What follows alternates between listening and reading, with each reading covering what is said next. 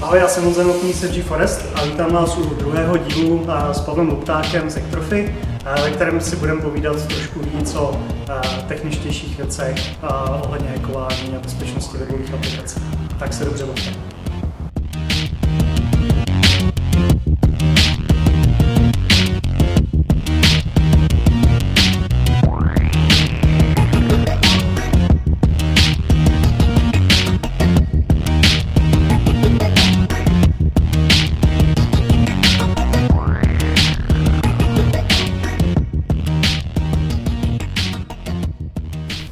Jak vidíš eh, ty, ty útoky, které v posledních, já nevím, tři, čtyři roky to je, a přímo na, na vlastně procesory, a útoky typu Meltdown nebo Spectre, nebo teď jsem koukal nový nějaký TL Bleed, což je, což je ohledně uh, Hyper-V, uh, jestli to říkám správně.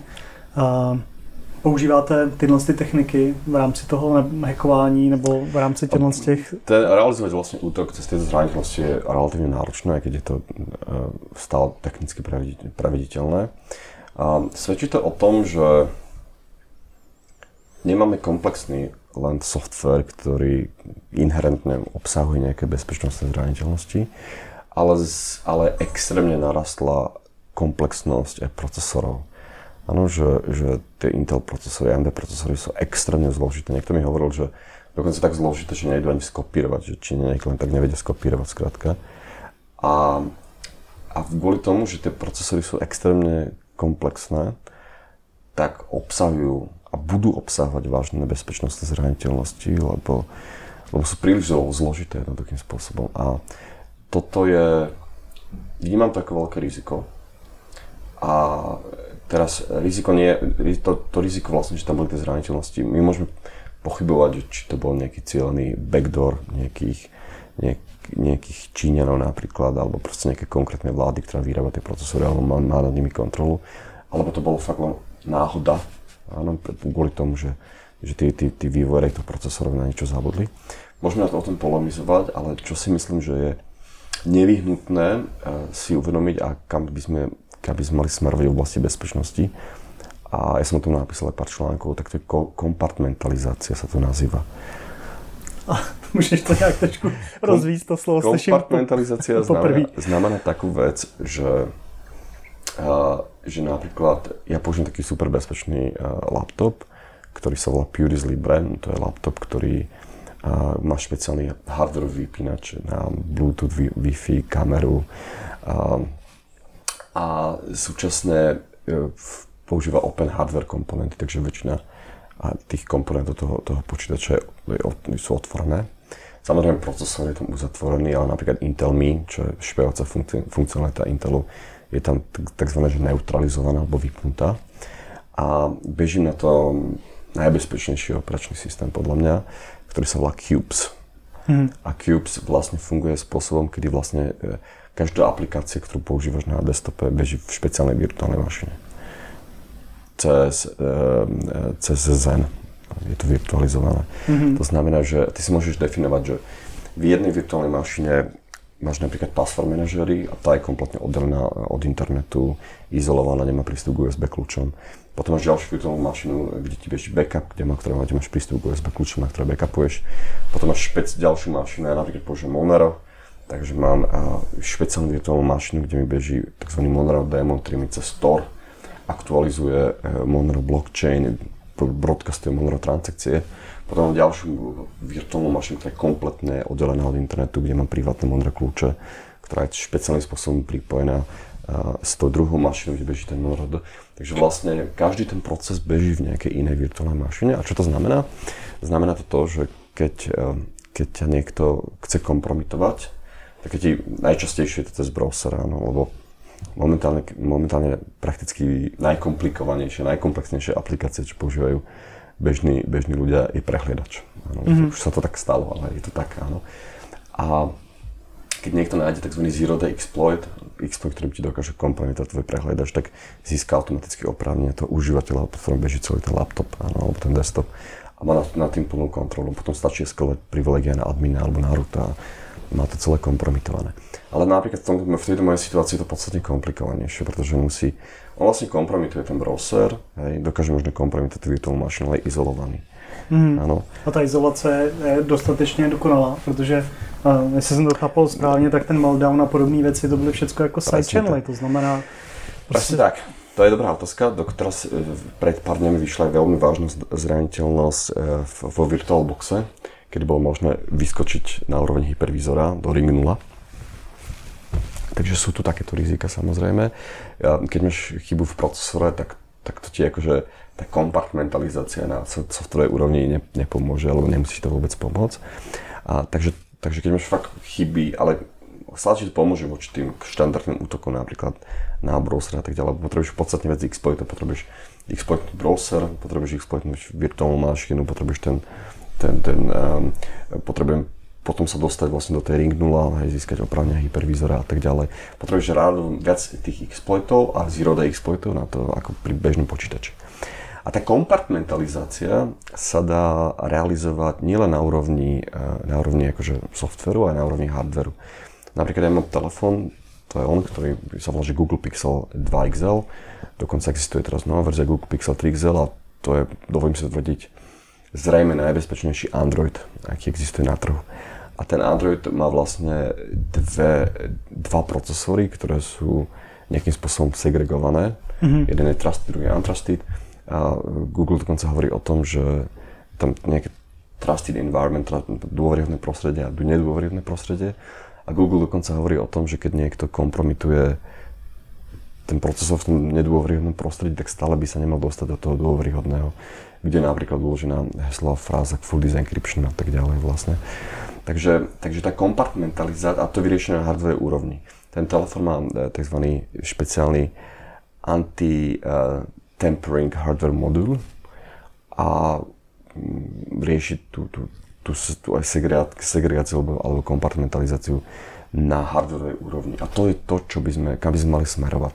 Mm-hmm. To znamená, že my by sme jednoducho mali počítať s tým, že všetko je zraniteľné, ale počítať s tým, že jeden konkrétny procesor, jedna konkrétna virtuálna mašina bude obsluhovať akurát jednu aplikáciu. Jasne. A všetky ostatné aplikácie a procesory budú obsluhovať, e, teda všetky iné aplikácie budú obsluhovať iné procesory alebo iné virtuálne mašiny. Áno, to znamená, že viem si predstaviť tú kompartmentalizáciu fakt aj na tej low-levelovej úrovni, na úrovni tých procesorov. Samozrejme, že musí sa veľa vecí zmeniť, ale podľa mňa to je cesta bezpečnosti. Jsi říkal o tom, že tam máš open hardware a já jsem četl o tom, že Intelový procesory mají v sobě ještě malý, malý koprocesor. Intel Me se to volá Intel Me. Vlastně. Intel Me. Uh-huh. A toho nějakým způsobem neustupují, protože vlastně, co jsem četl články, tak vlastně ve chvíli, kdyby se povedl jako úspěšný útok na kompromitaci tohohle malého koprocesoru, který mm, vlastně má za cíl asi umožnit Intelu provádět nějaké administrační zásahy úplně low level, ještě daleko pod operačním systémem, tak v podstatě dokáže kompromitovat libovolný stroj, kde, kde ty Intel procesory jsou. Jestli říkám Jestli to říkám správně, když tak mě oprav, ja tak jsem... funkcionalita Intel uh, komplexná, on umožňuje akože veľa vecí, napríklad power management a tak ďalej.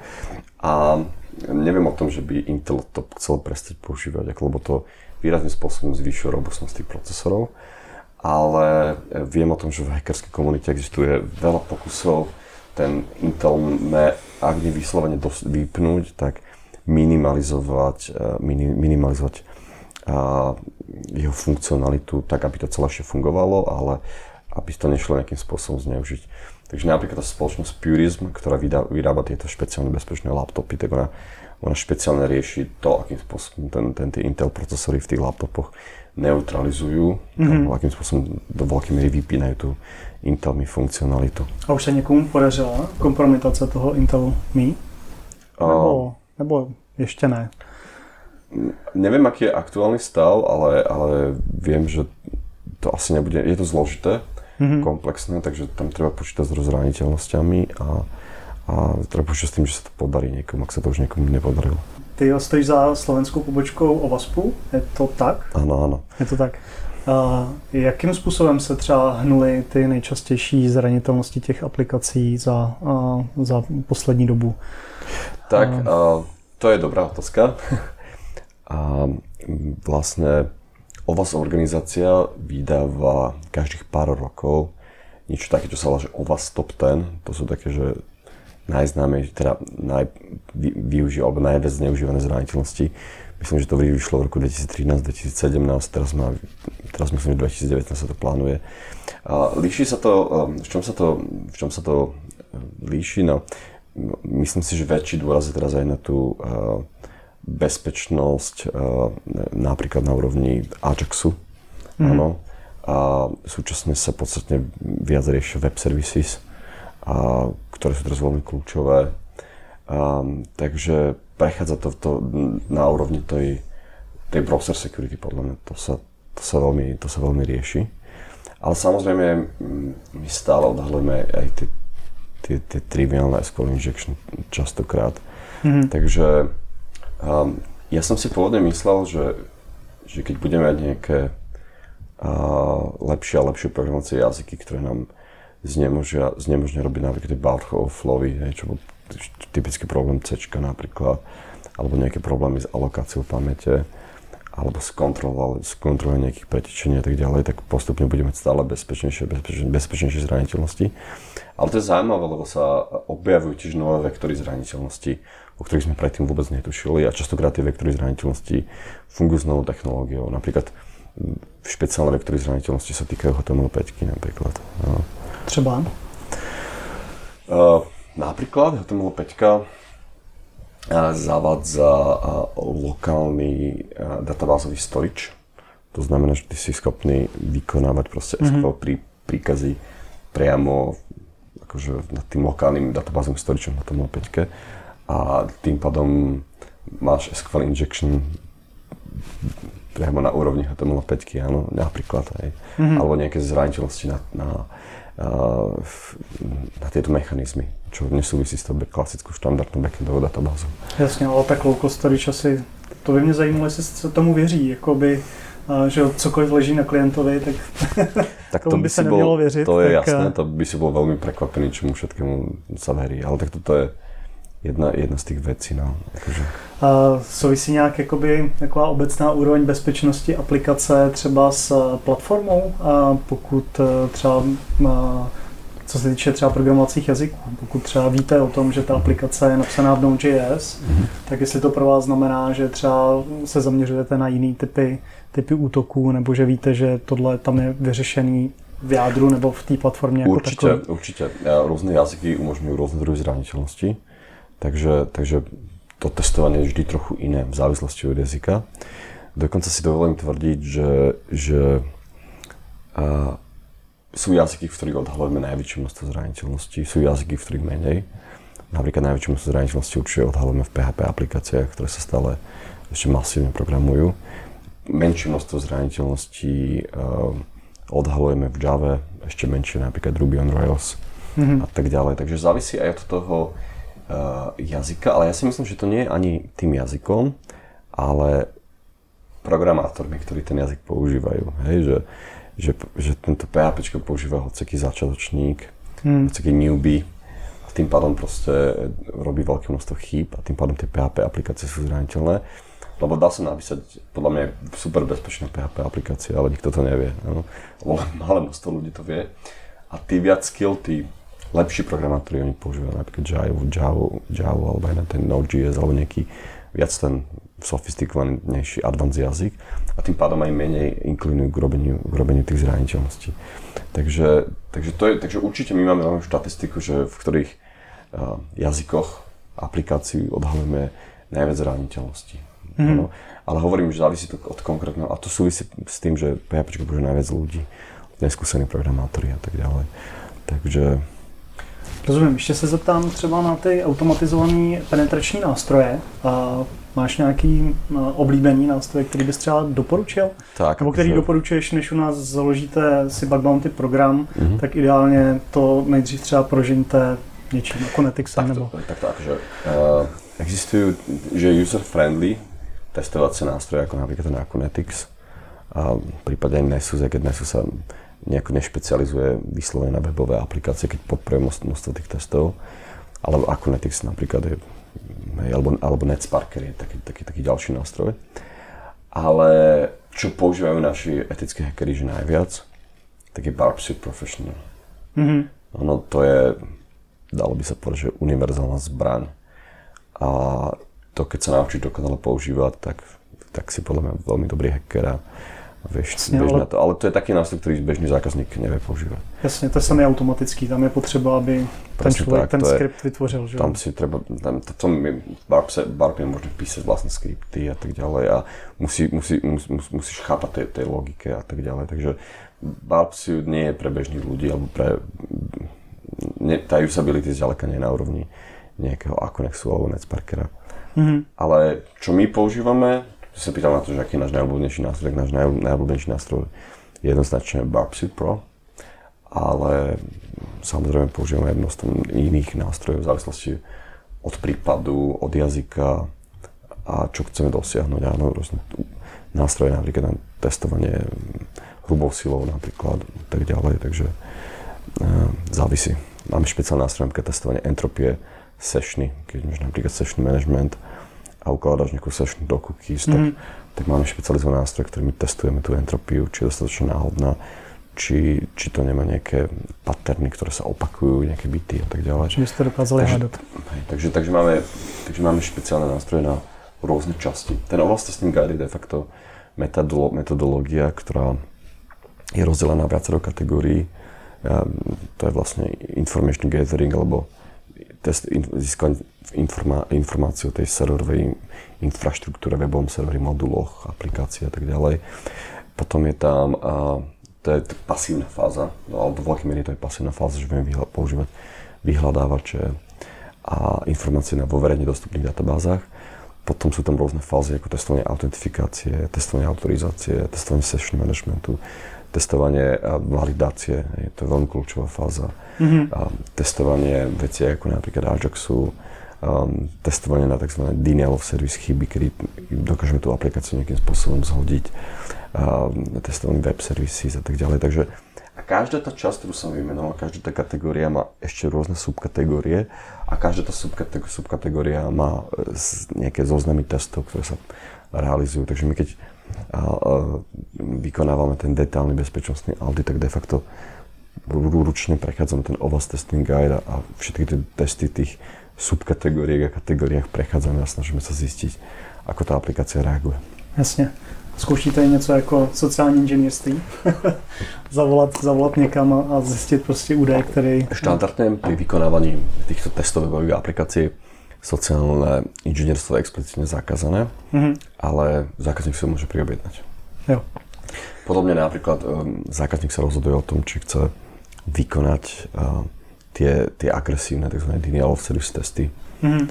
čo môže byť problém, obzvlášť keď testujeme porušnú aplikáciu, lebo tým pádom tú aplikáciu vieme odstaviť Jasne. Nejakým, nejakým spôsobom. Takže robíme sociálne inžinierstvo mm-hmm. a to je veľmi účinné mimochodom. Áno, to prebieha v takých troch fázach. A akože prvá fáza je spur phishing alebo simulácia phishingu. A taký customizovaný phishing, že si zistíme informácie o tých ľuďoch zo sociálnych sietí a posielame mm. im nejaký taký dôveryhodne vy, vyzerajúci e-mail. Častokrát ten e-mail, v tom e-maile sú odkazy napríklad na a, rôzne cross scripting zraniteľnosti e, na ich vlastný web to znamená, že oni klikajú na linky, ktoré ukazujú na ich firmný web a my napriek tomu dokážeme získať veľké množstvo informácií o nich. A potom je tam telefonické sociálne inžinierstvo, kde používame úspešnú metódu call ID spoofingu. To znamená, že dokážeme zavolať alebo poslať SMS-ku z čísla šéfa, napríklad jeho sekretárke a požiadať o že neviem sa dostať napríklad k, k môjmu firemnému e-mailu, prosím ťa, pošli mi na tento Gmail tento citlivý dokument a väčšinou to funguje lebo tie sekretárky sú väčšinou pri sociálnom inžinierstve najslabšie články, lebo majú prístup k všetkým citlivým dokumentom a nemajú žiadne bezpečnostné povedomie vlastne. Jasně. Jak dokáže to podvrhnout číslo? Já jsem teda zaslechl o tom, že, že ta technologie vlastně pro, pro mobilní sítě má, nebo měla relativně dost zranitelností, že třeba dvoufaktorová autentizace, kde jako druhý faktor se posílá SMS, v případě té SMS není. V případě té SMS, tak v Čechách na Slovensku to už nefunguje.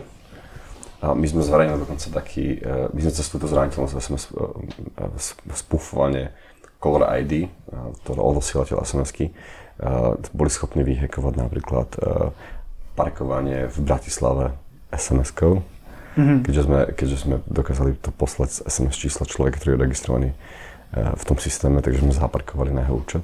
Mm-hmm. Čo bolo pekné. Sme, to, sme samozrejme, kontaktovali, kontaktovali dodávateľa toho riešenia, on si to opravdu to zverejnili.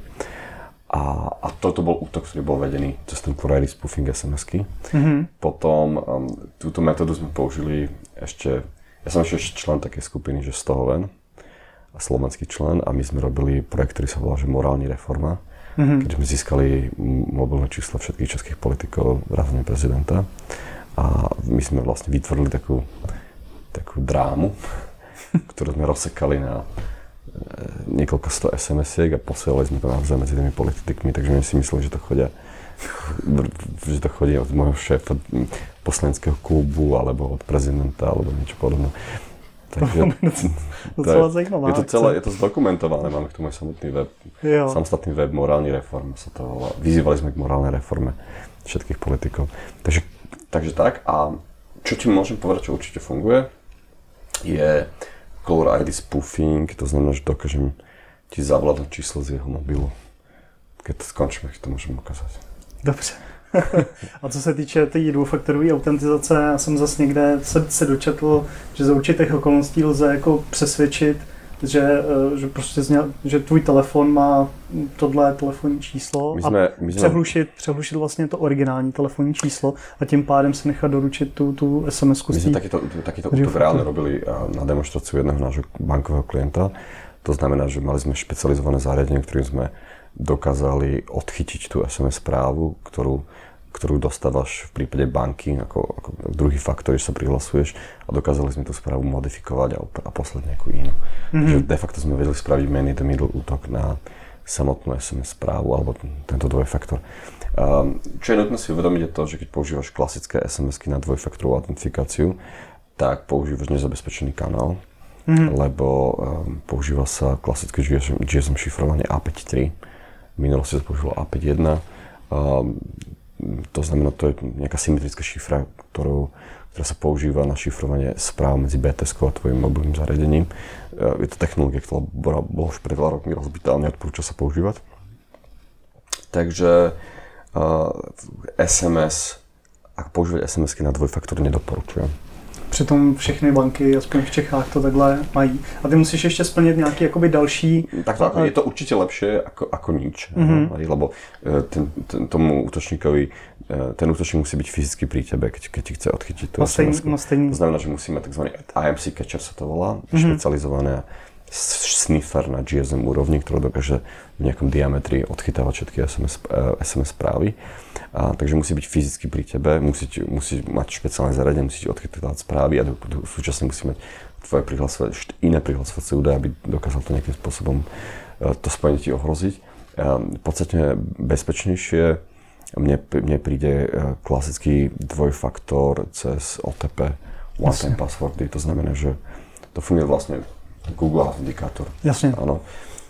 Máš dva pseudonáhodné generátory čísel, ktoré sú zosynchronizované. Tak mm-hmm. ty si im zosynchronizuješ tým, tým, že si načítaš QR kód, zosynchronizuješ si dva pseudonáhodné generátory náhodných čísel a tým pádom si schopný offline vlastne sa nejakým spôsobom autentifikovať. Rozumím. A vy jste v, že v kontaktu s bankama, tušíš, proč se drží těch sms je to kvůli nějaký uživatelský přívětivosti? Nebo... Je to kvůli uživatelské přívětivosti. Ono tých, tie útoky sú stále relatívne drahé.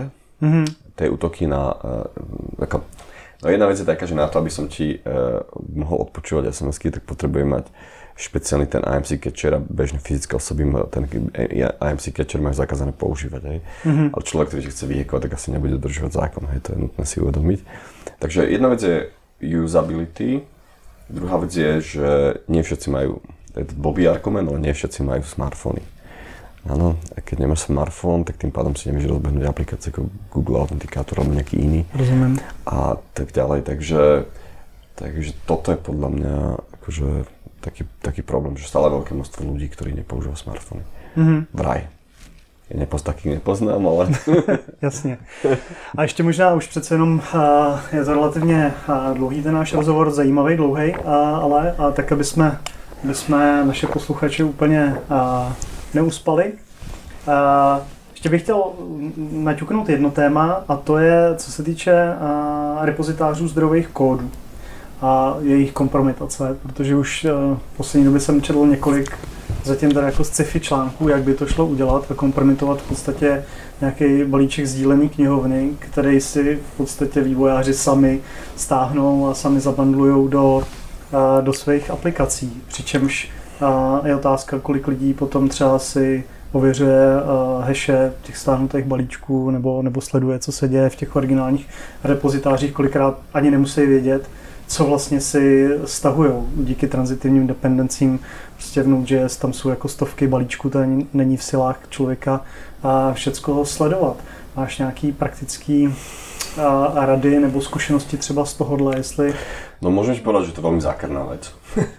Na tom sa shodneme, je to skutočne zákerná vec a obvykle e, stačí urobiť nejaký útok sociálneho inžinierstva na nejakého kľúčového developera, áno, získať jeho SSA prístup na, na GitHub alebo proste na nejaký takýto repozitár a tým pádom máš otvorené, otvorené dvere na to, aby si mohol implantovať backdoory.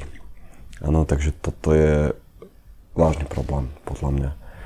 A treba špeciálne klásť dôraz na zvýšenie operačnej bezpečnosti samotných vývojárov.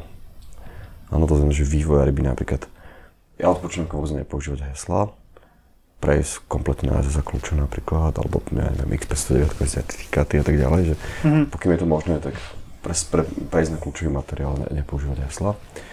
A e, všetci tí vývojári by mali mať určite fully encryption. Hej, tú, tú, tú end user bezpečnosť treba výrazným spôsobom, výrazným spôsobom navýšiť, aby takéto, takéto veci uh, nenastávali.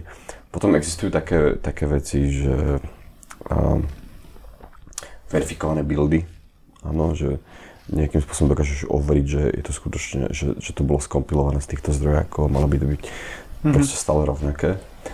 A, ale ako hovorím, že možno je dobré robiť nejaké nepriebežné porovnanie so starými verziami a zistiť, či sa tam neocitlo, alebo či tam nebol zavedený nejaký backdoor, o ktorom sa proste nevedelo. Treba robiť nejaký, podľa mňa, pravidelný audit tých zdrojových kódov, keď je to veľa práce, uznávam. Takže mal by tam byť nejaký podľa špecializovaný tím pri veľkých projektoch, hmm. ktorý, ktorý automaticky review stále zmenia pri každej novej verzii, urobia nejaký check so starou verziou a porovnajú to napríklad a tak, lebo keď niekto kompromituje Linuxovú distribúciu alebo keď niekto kompromituje nejaké základné knižnice, tak je to fakt, že veľký prúsor podľa mňa. Akože veľmi, veľmi zlý. To áno. Často sa to poznáš síťovým provozem nebo Áno, áno, takže väčšinou sa, to, väčšinou sa to potom identifikuje, niekto to identifikuje, ale potom je to, je to problém. Potom je veľmi ťažké potom veriť tomu projektu. V budúcnosti je to, je to podľa mňa reputačný problém toho projektu a potom netreba očakávať, že niekto bude v. Ja si Pamatuješ na nějaký úspěšný útok tohohle typu, že by se někomu podařilo skutečně do třeba serverové aplikace propašovat nějaký takovýhle malware tímhle, tímhle způsobem, nebo je to zatím i z tvýho pohledu hypotetická možnost? Ale boli nejaké, nejaké prípady, teraz si akože zrovna nič nespomínam, ale, ale viem, že boli takéto prípady aj dokonca Linuxových distribúcií, mm. že, že boli kompromitované. A takže nastáva to. Akože nastáva to a je to, je to vážny problém podľa mňa.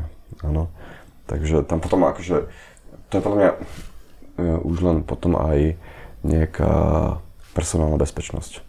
Aby si mal v týme fakt dôveryhodných ľudí, ktorým, ktorým rozdáš prístupy k tým zdrojovým kódom, nejakých tých core developerov a tak ďalej. A, a ľudia, ktorí, ktorí neprogramujú nejaké výrazné časti, tak by nemali mať vôbec prístup do toho repozitára, ale mali by len submitovať nejaké časti niekde. Nejakí core developeri by to mali proste meržovať, zistiť, robiť review tých kódov a tak ďalej. To znamená, že tam vyslovene by mala byť nejaká personal policy podľa mňa, aby, si, aby, aby minimálne množstvo ľudí malo k tým core veciam, akože prístup v tých, eh, do tých repozitárov. Všetko by malo byť riešené cez nejakých, mm. cez nejaký ten externý submit podľa mňa. Tak, to, tak toto treba riešiť podľa mňa. No.